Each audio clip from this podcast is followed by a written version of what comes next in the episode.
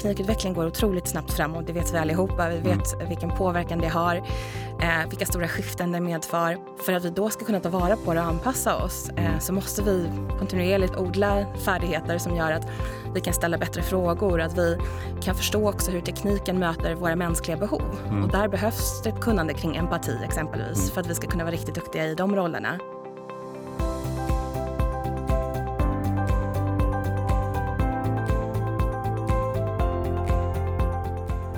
Välkommen till eh, säsongsavslutningen av Konkurrenskraft. Podden där vi pratar om framtidens beslutsfattande, verksamhetsstyrning och ledarskap. Jag som eh, pratar heter Robin Askelöv och är CMO på Hypegen som ger ut den här podden. Och eh, Hypegen det är ju ett techbolag där vi brinner för just beslutsstöd och verksamhetsstyrning. I eh, de här samtalen vill vi testa nya vinklar på hur vi som beslutsfattare kan bli bättre rustade inför framtiden. Det gör vi genom att träffa intressanta människor med spännande erfarenheter och perspektiv. Och eh, den här gången så har vi återigen en riktigt spännande gäst och det är Claudia Olsson. Varmt välkommen Claudia! Tusen tack. Hur står det till? att vara här. Jo, men det står bra till. Det är snöigt i Stockholm, det lackar mot jul. Eh, det står bra till. Och du eh, pendlar fram och tillbaka till USA har jag förstått, för du går en utbildning där. Ja, jag, har, jag brinner ju väldigt mycket för det här med konstanta och kontinuerliga lärandet. Så även jag utbildar mig själv vidare. Så nu går jag ett program på Wharton i USA. Mm. Eh, så jag har fått tillbringa en del tid där på plats. Mm. Och det är härligt med perspektiv eh, från USA också, eh, uppdateringar från techfronten där. Eh, och att kunna förena det med det vi gör i Sverige såklart. Mm. Ja, vad härligt. Vi kommer komma in på mycket av det, men desto roligare att få ha dig här på plats. Och eh, Claudia, när man, eh, om man ska beskriva dig, man kan använda massor med olika titlar och etiketter. Jag samlade på mig några här. Du är framtidsanalytiker, digitaliseringsexpert, företagsledare, entreprenör, rådgivare, föreläsare, sommarpratare och mycket mer. Eh, tittar man på eh, organisationer som du har varit inblandad i så finns World Economic Forum, FN, EU-kommissionen, UD, regeringens digitaliseringskommission. Skolor har gått på, inkluderar KTH, Handelshögskolan i Stockholm, Singularity University i USA. Man skulle kunna fortsätta. Eh, kort sagt, det är inte jättelätt om man skulle sådär vilja få till en superkort eh, beskrivning av dig. Så jag gör det enkelt för mig själv och jag lämnar över till dig där. Om du skulle ge en kort beskrivning av dig och hur du hamnade där du är idag. Hur skulle det låta då? Ja, nej men jag skulle säga att jag är en person som brinner väldigt mycket för att göra skillnad med det jag gör. Eh, det har varit en röd tråd genom allt mitt arbete. Eh, och framförallt så är jag entreprenör och vd för ett bolag som heter Stellar Capacity eh, mm. som jobbar med att hjälpa ledare, medarbetare att bli mer digitala och ta vara på digitaliseringens möjligheter. Eh, vi står egentligen på tre olika ben i, med Stellar Capacity och det ena är research kring ehm, egentligen hur teknik påverkar företag, samhälle eller ledarskap och också vilken potential tekniken medför framåt och hur vi ska mm. ta reda och ta vara på den framåt. Mm. Eh, det andra benet handlar om att vi hjälper organisationer att lyfta den digitala kompetensen i hela organisationen för att se till att vi kan ta vara på varje medarbetares fulla potential egentligen i en värld som förändras så pass snabbt och där digitaliseringen går framåt. Mm. Eh, och det tredje är våra eh, executive-program där vi har ledare och chefer som reser in från hela världen för att vara med i Sverige och också under, utbildas på plats för att lära sig kring det digitala. Mm. Men jag har också brunnit väldigt mycket för språk och interkulturell kompetens. Jag har grundat ett bolag som heter Swedish for Professionals eh, som jobbar väldigt mycket med att också se till att vi i Sverige får det mest välkomnande eh, arbetsklimatet i världen mm. eh, och se till så att all den eh, internationella talang vi vill attrahera på bästa sätt kommer in på arbetsmarknaden genom språkkurser i svenska, genom kulturell introduktion och så. Mm. Mm. Eh, men sen så skulle jag säga att jag är också en person som är väldigt nyfiken på teknikutvecklingen. Det har också varit en väldigt stark röd tråd för mig att förstå hur vi kan använda tekniken som ett verktyg eh, för att eh, ja, se till att vi tar vara på allt det vi människor har att erbjuda. Um, så det är någonting jag verkligen jobbar med. Men sen så tror jag personligen att framöver så kommer det vara svårt att för, för alla människor att bara kunna presentera sig kort och bara genom en rad eller en, eh, en titel därför att vi jobbar i mer och mer komplexa tvärvetenskapliga roller. Mm. Um, och en del säger att om man kan presentera sig själv med bara en rad eller ett yrke så riskerar man att det yrket kommer automatiseras. Utan ja, det är yrken som är mer komplexa som är de som kommer finnas mer av framöver. Mm, mm. Så eh, digitalisering, teknik, lärande känns som lite sådär röda trådar i, i det du har gjort tidigare. Varifrån kommer det intresset? Jag har alltid varit intresserad av teknik ända sedan eh, väldigt ung ålder. Eh, jag hade, eh, min, min, mamma var väldigt eh, inne på att eh, låta mig testa mycket nya tekniska eh, lösningar, leksaker, eh, självstyrande, fjärrstyrda olika lösningar, tefat, bilar, små datorer. man lärde sig engelska och så vidare. Och det mm. skapade ett stort intresse. Men jag tror att det var framförallt när jag började förstå hur tekniken kan användas för att lösa olika utmaningar i samhället som jag blev riktigt intresserad. Mm. Eh, för det förenades med min, ja, med min passion för att kolla på hur man kan göra en skillnad genom tekniken. Mm. Eh, så det var därför jag sökte mig till KTH. Det var också därför när jag började jobba på FN så jobbade jag just med fokus på hur teknik kan användas för att lösa utmaningar inom global hälsa. Mm. Eh, det var det jag jobbade med när jag jobbade i Asien, eh, i Singapore och i Indien. Eh, så det har varit en, en väldigt stark röd tråd. Mm. Eh, och det tror jag också är någonting som gör att fler kan få upp eh, intresset för teknik. Mm. Att det verkligen handlar om tillämpningarna. Det handlar om vilken skillnad man kan göra med tekniken framåt. Mm. Ja, men spännande.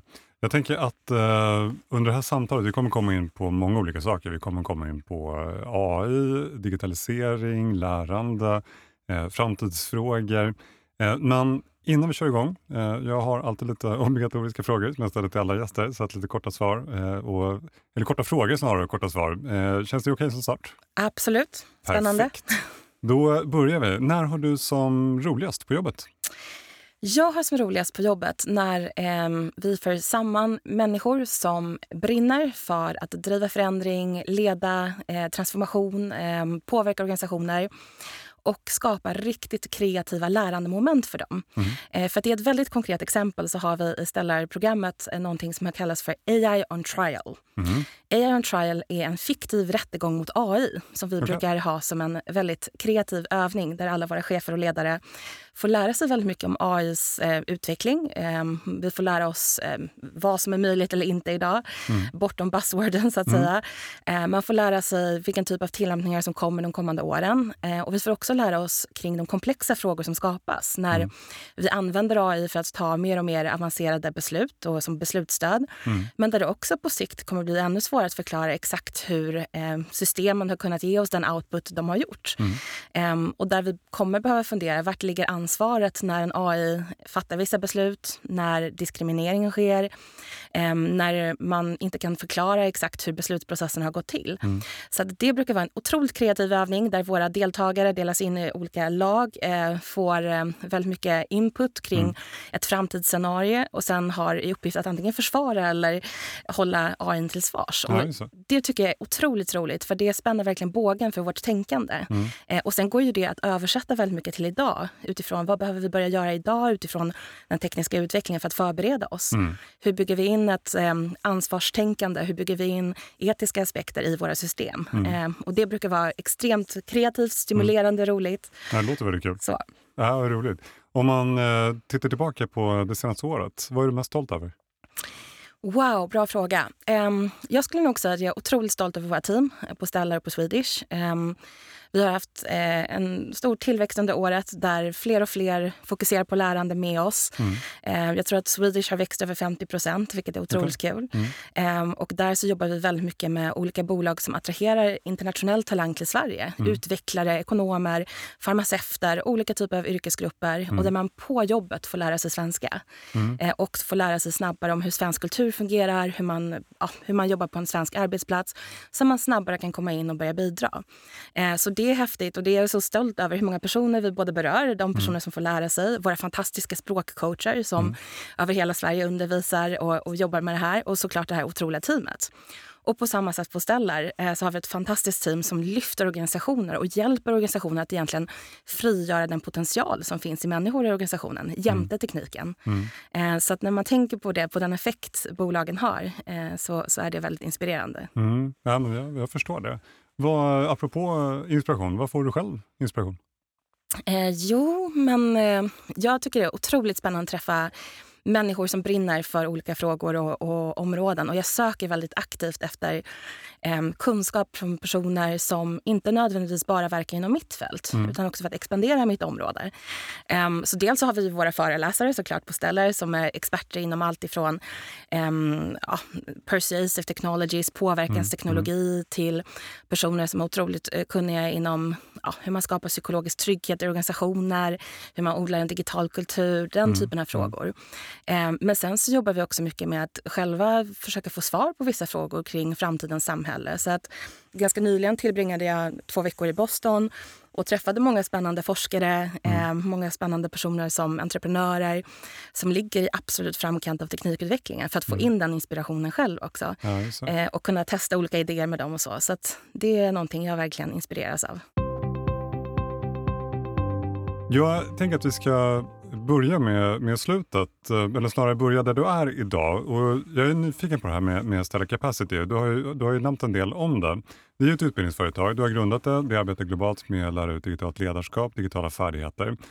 Och jag bara tänker det här med jag har förstått lite kring vad ni gör, men jag är lite nyfiken på varför. Handlar det om att ni har satt en lucka kring alla utbildningar som det just nu inte finns utbildningar inom där ni vill så att säga, komma med någonting nytt? Eller vad, vad, vad tänker ni i syftet? Nej, men jag kan börja och säga så här. Jag jobbade ju en del i Asien, jobbade i Singapore, Indien och såg en otrolig utveckling där redan för tio år sedan. Mm. Där man från, från månad till månad egentligen testade helt nya utbildningsmodeller Bolag utvecklades snabbt. Eh, I USA fanns det vissa modeller man inte kunde testa där på grund av att det fanns för etablerade system. Då tog man dem till Singapore, man tog dem till Indien, experimenterade, mm. tog fram nya innovationer. Utvecklingen mm. gick otroligt snabbt framåt. Samma sak med den digitala utvecklingen i Kina. Man har satsat otroligt mycket, otrolig acceleration. Um, och det kommer såklart få jättestora konsekvenser för hela världen utifrån den snabba utvecklingen. Mm. På samma sätt så satsar man otroligt mycket i USA på AI-utveckling um, och forskning um, kopplat till maskininlärning och AI. och sen när jag kom tillbaka till Europa så såg jag att vi har ju legat väldigt långt fram mm. eh, inom innovation, inom vår välfärd väldigt lång tid tid. Mm. Men den här accelerationen upplevde inte jag var lika snabb och mm. lika stark som i de andra länderna. Um, och där så känner jag att om vi vill fortsätta ligga i framkant, om vi fortsatt vill lära och vill bidra med um, all den kompetens och kunskap vi har så gäller det att vi fortsätter utveckla våra organisationer och inte mm. halkar efter. Um, och att vi inte ens ska ställa oss frågan hur vi ska hänga med utan snarare att vi kontinuerligt ställer oss frågan hur kan vi vara i ledningen? Ja, um, och där så ser vi att många organisationer har ju förstått vikten av att uh, fokusera på teknikutveckling. Man, mm. har, man förstår relevansen i att testa nya tekniker men det är inte alltid organisationerna själva hänger med jämte den teknikutvecklingen. Mm. Uh, och man märker att ett stort problem som många möter är att även om man förstår att teknikutveckling behövs, man har satsat på IT-systemen så finns det ändå en trög tröghet i många organisationer där medarbetarbeteenden och ledarskapet inte anpassas för att kunna ta vara på teknikutvecklingen. Ja, så. Eh, så det vi såg var att eh, många organisationer förstår vad, att vi vet vart vi är på väg. Mm. Men det många behöver hjälp med huret i hur vi faktiskt transformeras, hur vi förändrar en digital kultur. Mm. Huret i hur ska vi jobba för att kunna möta den här snabba utvecklingen. Mm. Eh, så det är där våra program är utvecklade för att kunna hjälpa så många som möjligt. Och där mm i Stellar Executive-programmet som är vårt flaggskeppsprogram egentligen, där fokuserar vi, där har vi två moduler och den första modulen är väldigt förankrad i eh, vart ligger eh, egentligen både AI, blockkedjeteknik, datavisualisering. Vad, vad sker i framkant där? Vad mm. behöver vi kunna de kommande åren för att ta vara på det? Mm. Medan den andra modulen handlar väldigt mycket om hur anpassar vi vår kultur? Hur anpassar vi våra sätt att jobba för att kunna matcha den här utvecklingen och ta vara på den? Mm. Hur får vi med hela organisationen och alla människor runt oss? De typerna av frågor frågorna för att just rusta framtidens digitala ledare. Mm. Ja, det är intressant att du kom in på det. Jag, jag läste faktiskt eh, ett referat från, eh, det var en rapport som hette The Digital Culture Challenge. Eh, den har tagits fram av Capgemini's Digital Transformation Research Institute, världens längsta namn.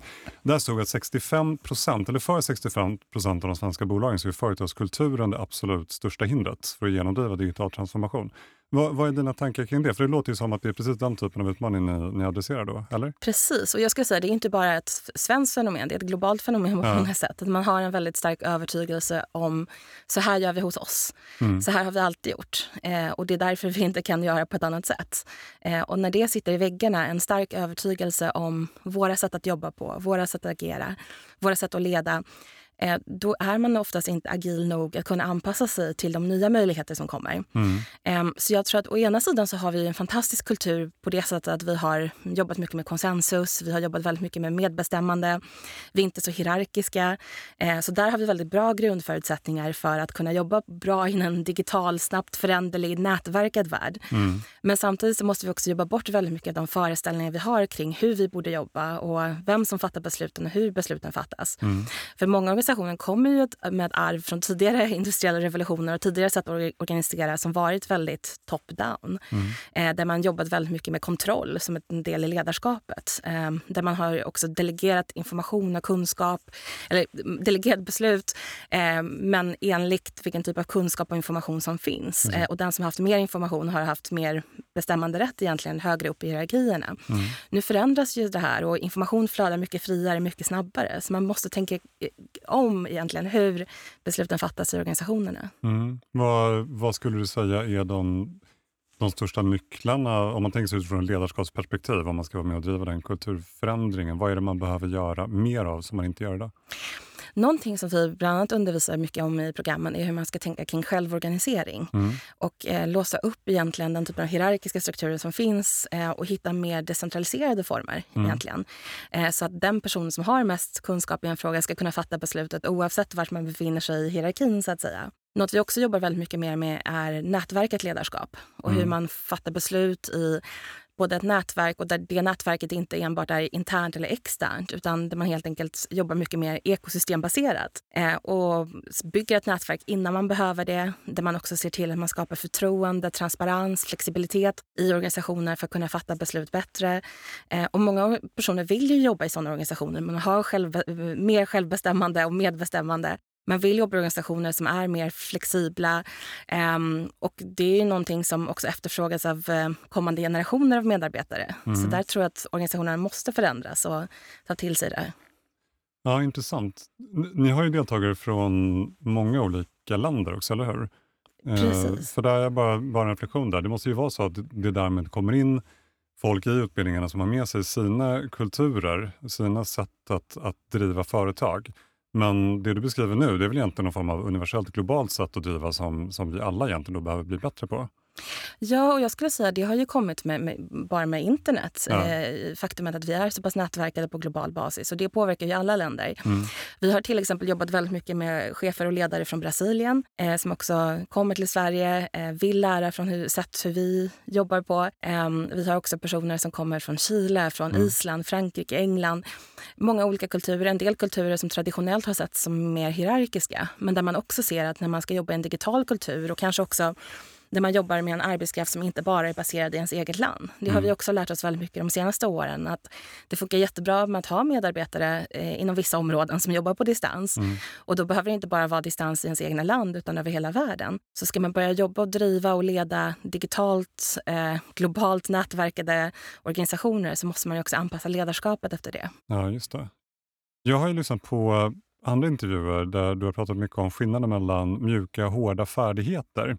Uh, och du, du, brukar tydligen, du, du kallar ju dem för power skills, har jag noterat. Kan du berätta mer om, om det, vad det är för någonting och varför det är viktigt? Ja, men absolut. Nej, men eh, det är väldigt mycket så att eh, vi på, på Stellar så kollar vi väldigt mycket på vilka färdigheter kommer vara viktigast de kommande åren. Hur ska mm. vi förbereda oss på bästa sätt? Eh, och en sån plattform som vi både har samarbetat med och som vi följer mycket är ju LinkedIn. Eftersom LinkedIn är en sån plattform där man eh, kan annonsera tjänster, där man kan söka jobb. Eh, jag delar mycket information och kunskap mm. på, på LinkedIn. Jag följer andra som gör det. Um, och I och med det så har de också väldigt bra koll och väldigt bra data på vad är det för färdigheter som eh, bolag söker. Mm. Vad är det för färdigheter personer har egentligen förändrat i sin skillset. Så för något, något år sedan så publicerade de då de mest eftersökta mjuka färdigheterna och hårda färdigheterna på plattformen. Och de mm. mjuka färdigheterna var då med kreativitet, anpassningsförmåga, empatisk förmåga, samarbetsförmåga. Uh, medan de hårda färdigheterna var mer UX-design, artificiell ja, intelligens, ja. molnberäkningar och liknande. Och där så ser vi att den klassificeringen inte riktigt nödvändigtvis håller i tid. För tidigare så har man ju sett någonstans att eh, man inte behövt nästan lägga lika mycket tid på de här mjuka färdigheterna. I vissa fall har man nästan tagit för givet att man ska kunna utveckla sina egna mjuka mm. färdigheter medan man gått på kurser om hårda färdigheterna. Eh, men där så ser vi snarare att i en digital ekonomi, i en värld som förändras så pass snabbt så måste vi vara riktigt duktiga på att kunna samarbeta och ta reda på ny kunskap med nya team i ekosystem, i mm. nätverk.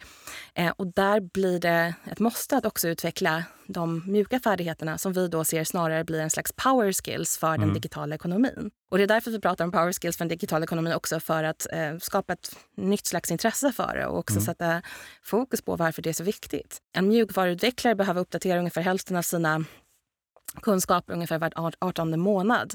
Eh, och behöver man göra det så måste man vara duktig på att samarbeta, få in ny kunskap från andra, kunna ställa rätt frågor. Mm. Eh, det är power skills som driver den digitala ekonomin framåt. Mm.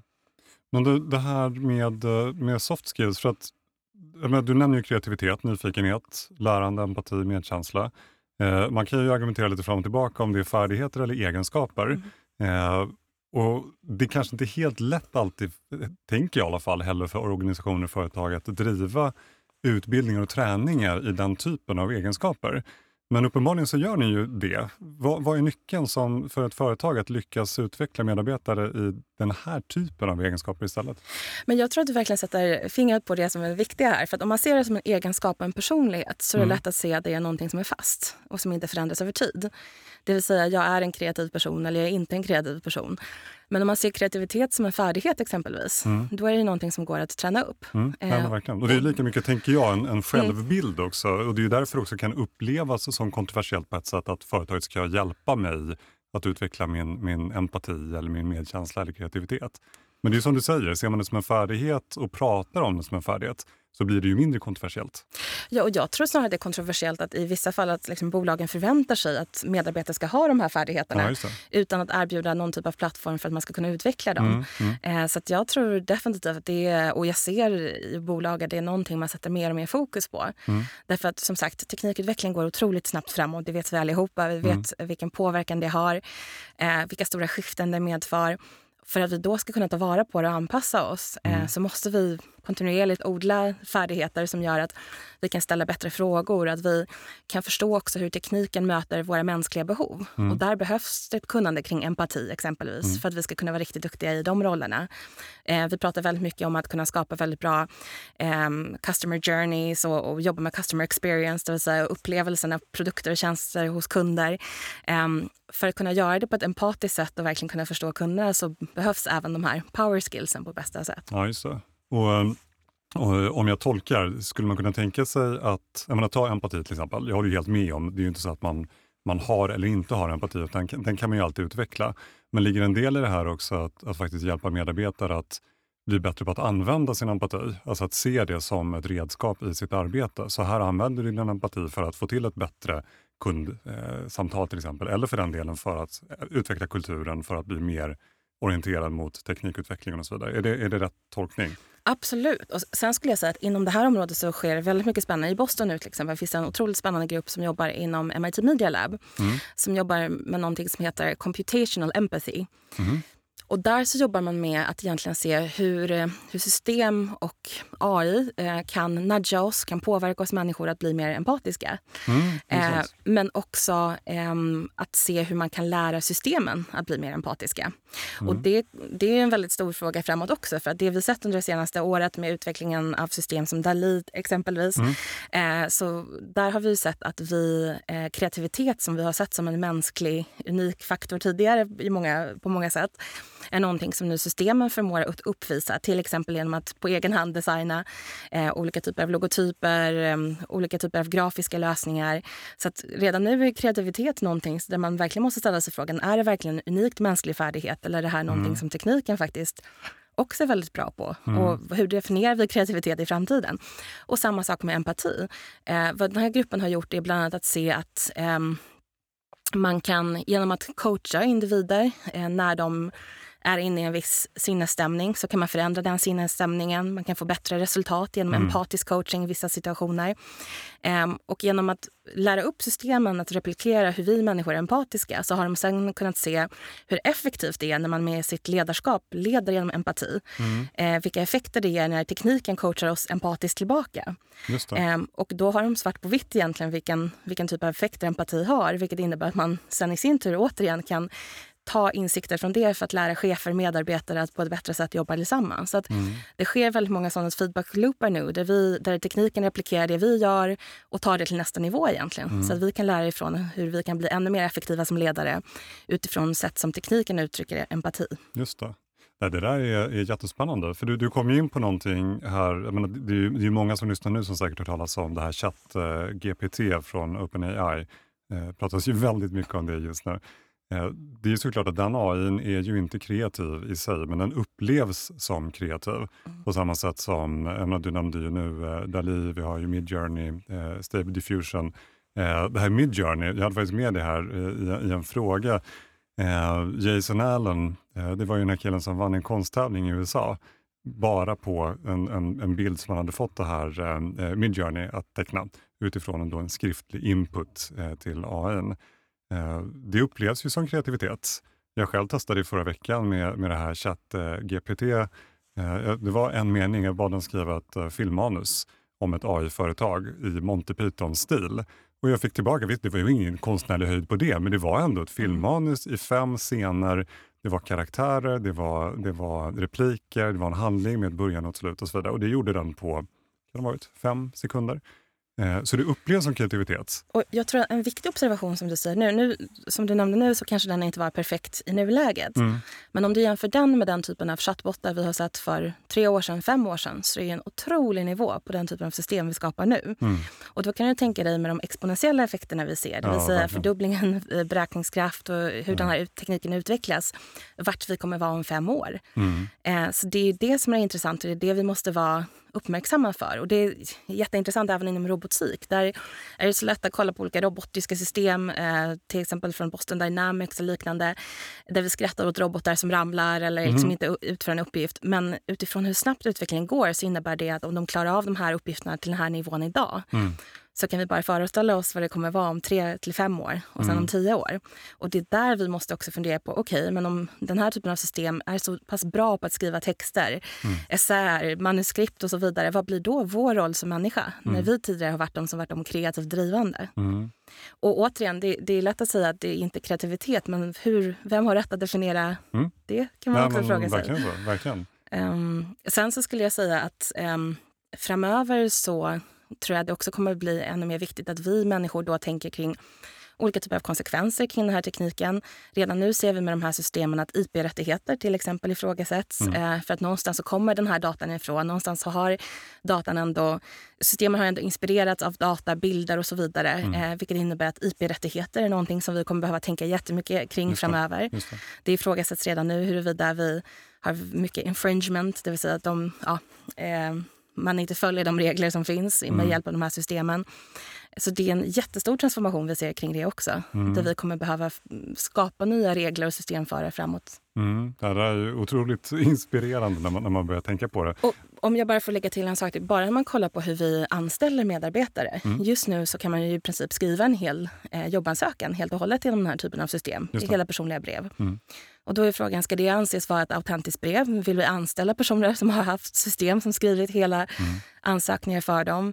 Ehm, eller är det så att vi faktiskt vill ha den typen av personer som är väldigt kunniga inom systemet Mm. Ja, och skriver de bästa breven? Det är också sådana frågor där vi behöver se till att vi utbildar HR, att vi utbildar de som anställer, eh, rekryterar nya förmågor och talanger mm. att kunna bedöma vilken typ av kompetenser vi vill ha och eh, hur bra är Mm, man på de här systemen exempelvis. Nej, men verkligen, där behöver man gå tillbaka till syftet hela tiden. Vad är det man vill åstadkomma? Vi hade en diskussion bara eh, häromdagen eh, med, med några kollegor, det här med, med att använda den här typen av verktyg för att skriva rapporter till exempel. För det är såklart, man kan ju slänga in ett antal utfallsdata och målvärden och be AI göra en analys. Eh, och så kan det automatiskt då fylla i eh, liksom någon form av rapportdel för det. Men tillbaka till syftet. Vad är syftet med det? Är det att göra en rapport? Eller är det den som annars skulle ha gjort analysen faktiskt har dragit ett antal slutsatser själv genom att titta på utfallsdata och målvärden och så vidare. Återigen tillbaka till syfte, för det är så man kan använda det här på massa olika sätt. Bara man vet varför mm. eh, så kommer man få väldigt olika resultat. Och det är därför vi människor måste bli ännu bättre, inte bara på att ta fram svaren, på att ställa rätt frågor. Exakt, exakt. Och träna upp den kompetensen både i skolan och i, ja, genom hela livet egentligen. Mm. Du, du, nämnde ju den exponentiella utvecklingstakten här. Du har ju gått på Singularity University i USA. Där pratar man ju väldigt mycket exponentiellt tänkande, exponentiell utvecklingstakt. Vilka är de största möjligheterna tror du? Om man tittar på liksom den exponentiella utvecklingstakten. Vilka områden är det idag vi underskattar som vi kommer se väldigt stora resultat säg kommande 5-10 åren? Eh, bra fråga. Vi, och jättesvår. jättesvår fråga. Eh, som sagt så brukar vi tendera att eh, överskatta förändringen på kort tid och underskatta den på lång tid. Mm. Och vad som kan ske under den tiden. Eh, på Singularity så jobbade vi väldigt mycket med att fundera på hur man kan använda teknik för att lösa stora globala utmaningar och frågor. Eh, för att i just det programmet, jag gick i det programmet det var 11-12 år sedan mm. Eh, och sen så har jag också föreläst och varit väldigt aktiv som fakultet där ja, tidigare.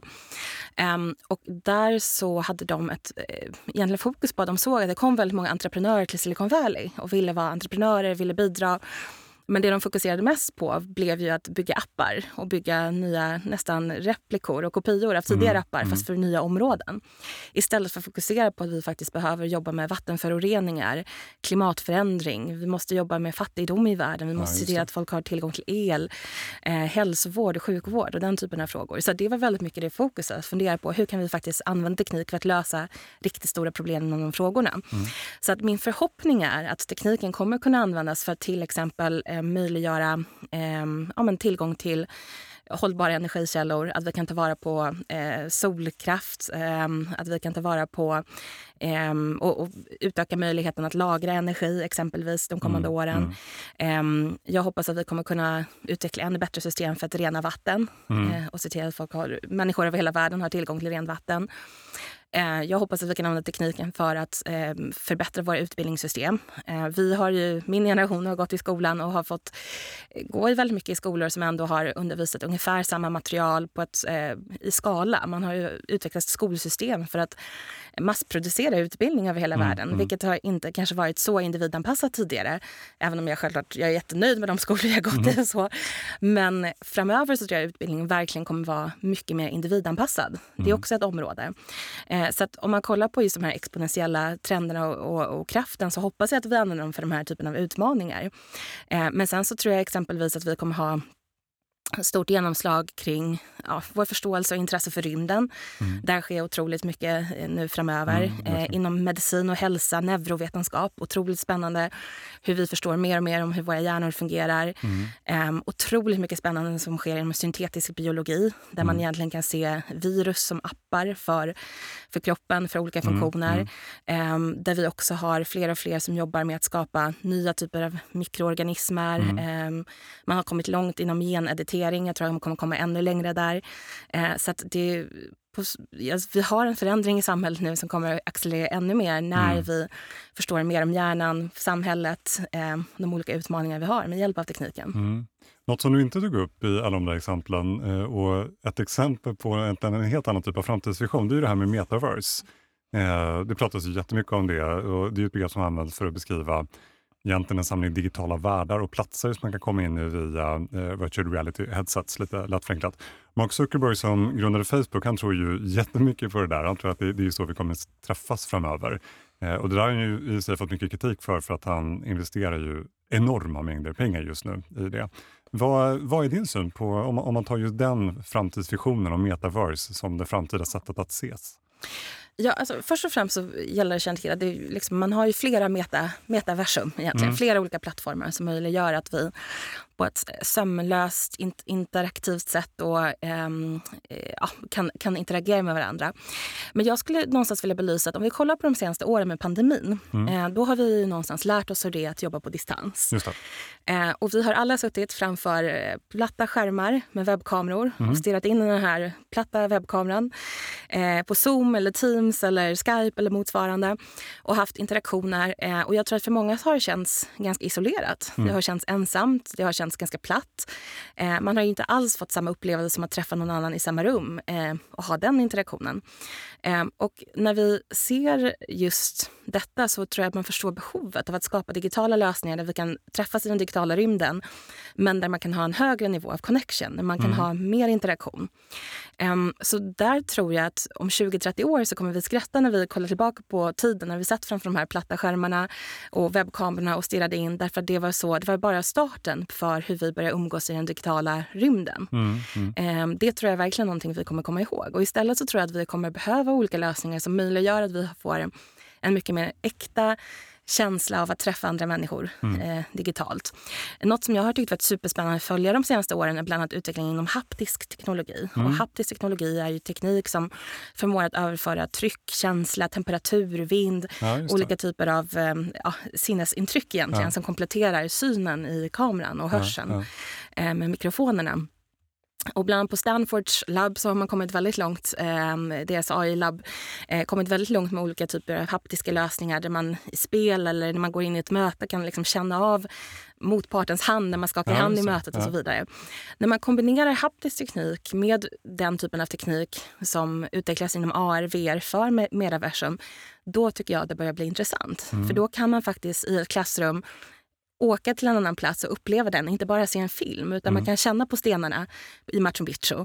Eh, man kan uppleva Amazonas, man kan på ett helt annat sätt uppleva de olika typer av eh, andra rummen som man mm. befinner sig i. Eh, och också uppleva det mänskliga mötet. Mycket, mer, mycket starkare, mycket mer äkta. Mm. Så det tror jag är en vision som många som jobbar inom teknik delar och verkligen mm. ser fram emot att kunna ha den typen av möten. Mm.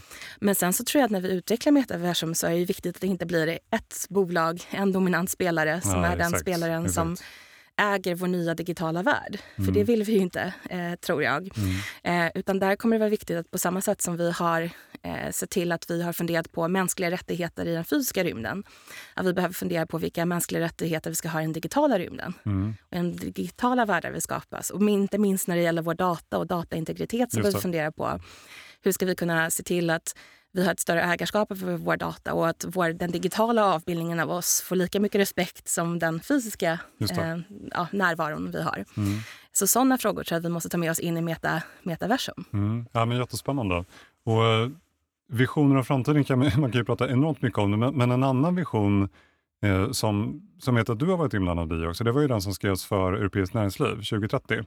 Eh, och det skrevs ju på uppdrag av EU-kommissionen. Du var den enda representanten från Sverige i en industriexpertgrupp där. Kan du berätta mer om, om den visionen och det arbetet, vad det handlade om? Precis. Vi hade också en, en kollega som var svensk från Danmark, tror jag. Ah, okay. eh, men, men eh, vi var en högnivågrupp. Vi var 20 personer som eh, fick uppdraget att kolla på Europas industri 2030.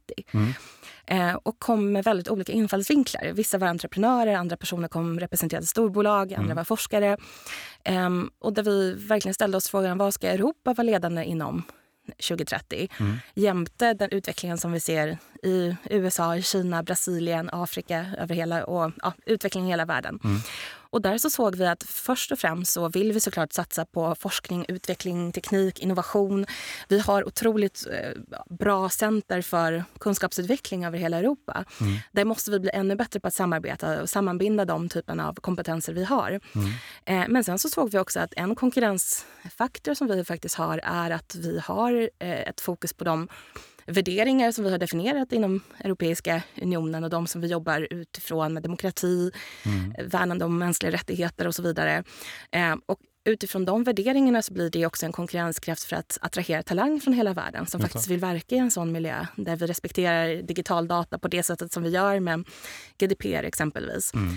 Eh, så det finns ju en stor potential för Europa att eh, verkligen skapa eh, ett klimat för forskare, innovatörer, eh, entreprenören, morgondagens egentligen eh, personer som är med och definierar samhället från alla möjliga aspekter. Mm. Eh, men som vill jobba i ett klimat där man verkligen värnar om den eh, personliga integriteten, om datan eh, och där man också ser att det finns ett värde i att det finns olika kulturer i Europa och olika perspektiv som kommer samman mm. och möjliggör den här konkurrenskraften. Så det jobbade vi väldigt mycket med. Mm. Intressant. Och mitt i allt det här står, står Sverige. Ja. Eh, vi har ju en, eh, I det här fallet då pratar du vision för Europa Europa. Eh, många länder har ju ganska, ganska stora visioner. Jag vet att Sydkorea de, de har någon vision om att de ska vara ledande robotnation. Du nämnde tidigare USA, Kina, Ryssland, Japan, Storbritannien. De är ju jättelångt fram inom AI. Vad är dina tankar kring, kring Sverige och vår vision och vår väg fram i det här? Men jag ser att vi också har en väldigt god chans eh, och möjlighet att positionera oss exempelvis inom AI. Mm. Där tycker jag att Wallenbergstiftelsernas initiativ med WASP, eh, mm, där de stöttar väldigt mycket forskning, har varit fantastiskt. Mm. Eh, det kombinerat med de satsningar som görs från Vinnova, som görs från enskilda bolag det tycker jag är otroligt spännande. Mm. Um, och där så är det också intressant att vi också jobbar väldigt mycket med både AI och, och utveckling och digital utveckling. Mm. Men att vi gör det parallellt med den gröna utvecklingen och utvecklingen kring klimatet. Där mm. vi också ligger långt fram i våra beslut och perspektiv på hur vi ska göra det här på ett hållbart sätt. Mm. Um, för det är en extremt viktig fråga framöver. Um, och där är allt ifrån den typen av initiativ vi har kring grönt stål till um, olika typer av nya lösningar för energilagring, till ehm, fordon som är helt elektrifierade. Ehm, både bilar, lastbilar och så vidare. Ehm, båtar. Så där så tror jag att vi också har en väldigt god chans att vara ledande inom två av våra viktigaste globala megatrender egentligen. Mm. Um, och för att möjliggöra det så tror jag att ännu mer samarbete krävs mellan storbolag, entreprenörer. Uh, det krävs ännu mer fokus på att vi faktiskt behöver förändras, uh, utvecklas mm. och att den här förändringen och utvecklingen är någonting positivt mm. också mm. såklart. För att jämför man med Kina, jämför man med olika länder i uh, Indonesien, Indien exempelvis där så har många regioner fått bygga ta, ta, vara på den senaste tekniken för att bygga helt nya system. Och de har inte så mycket arv att bygga ifrån ja, eftersom de ja. hoppat över flera steg i utvecklingen och tar till sig det senaste eftersom de inte haft en lika väl utbyggd infrastruktur. Mm. Så på det sättet så har många länder haft möjligheten att verkligen hoppa flera steg framåt. Mm.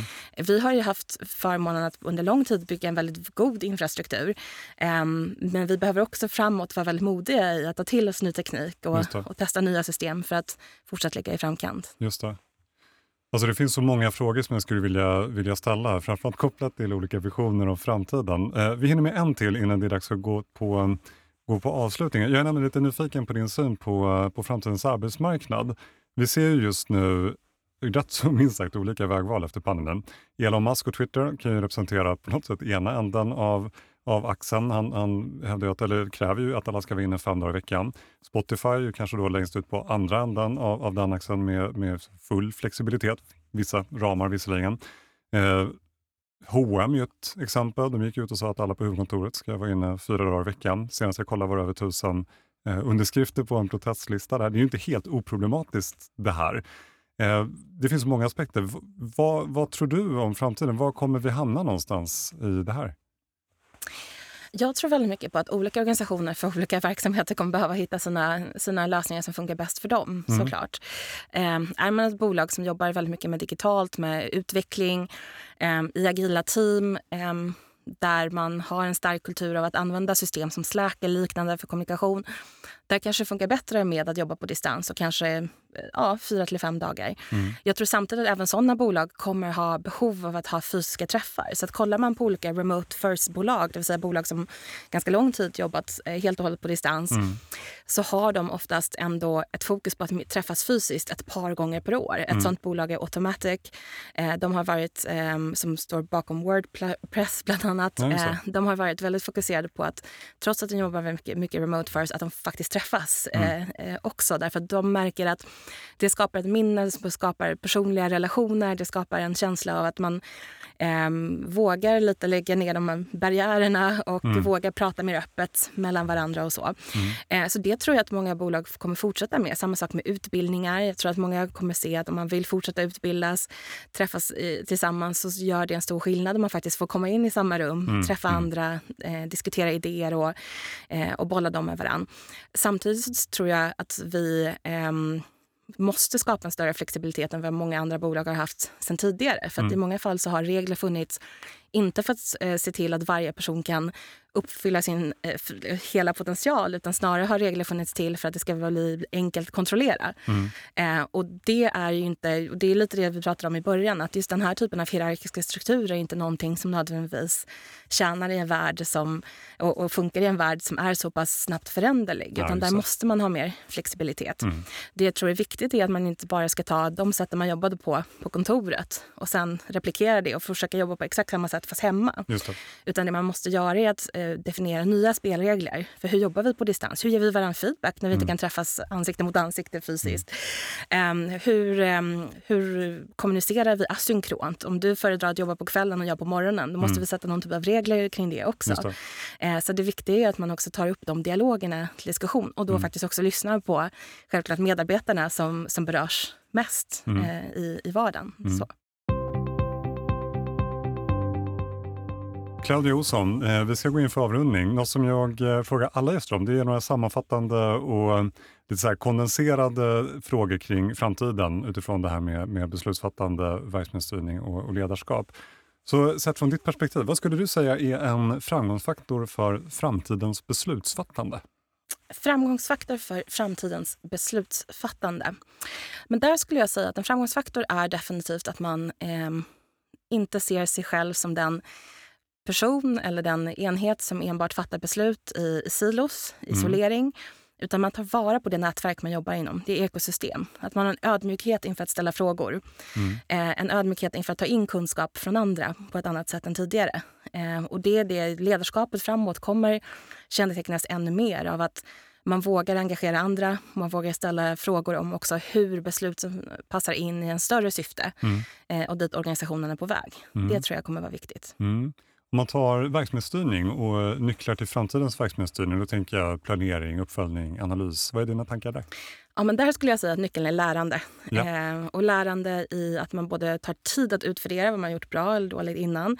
Eh, men man också försöker lära från andra branscher, från andra områden. Det är mm. så intressant för vi möter så mycket grupper och bolag som försöker vara innovativa och i den innovationssträvan så bjuder de in experter från sitt eget område. Mm. Det vill säga att om man vill prata om hälsa så bjuder man in andra, kanske någon annan från ett annat sjukhus eller ja, någon annan inom samma område.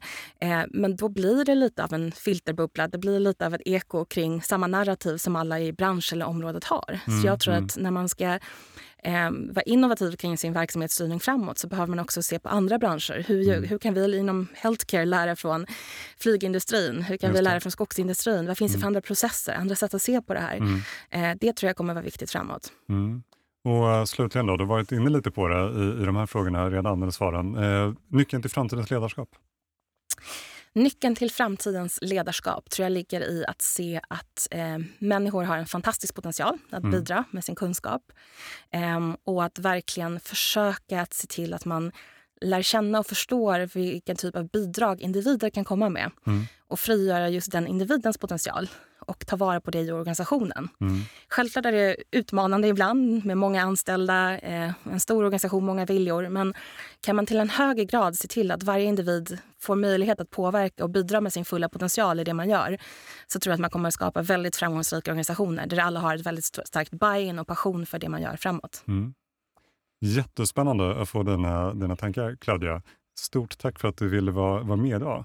Tusen tack, så roligt att få medverka. Ja, och eh, alla ni som lyssnar, jag brukar alltid försöka tipsa om bra läsning också. Eftersom vi idag kommit in en del på AI så tänkte jag tipsa om boken Own the AI Revolution Unlock your artificial intelligence strategy to disrupt your competition av Neil Sahota och eh, Michael Ashley.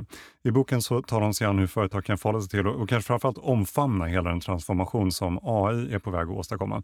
Så riktigt spännande läsning med andra ord. Sen så lägger jag som vanligt ut titeln i avsnittets beskrivning. Dessutom tycker jag som vanligt att du ska gå in på hypin.se. hittar du alltifrån bloggartiklar, rapporter, webbinars och föreläsningar. Allt kretsar ju kring beslutsstöd och verksamhetsstyrning som ju är det som vi i vår produkt handlar om. Och slutligen, glöm inte att prenumerera för till våren så kommer det ytterligare spännande gäster. Och eh, Claudia, med det så tänkte jag att du är med här och rundar av den här säsongen. Vi säger på återhörande. Eh, tack du som har lyssnat. Ha en riktigt bra dag och förstås eh, god jul och eh, gott nytt år. God jul, gott nytt år. Hej då allihopa. Hej då.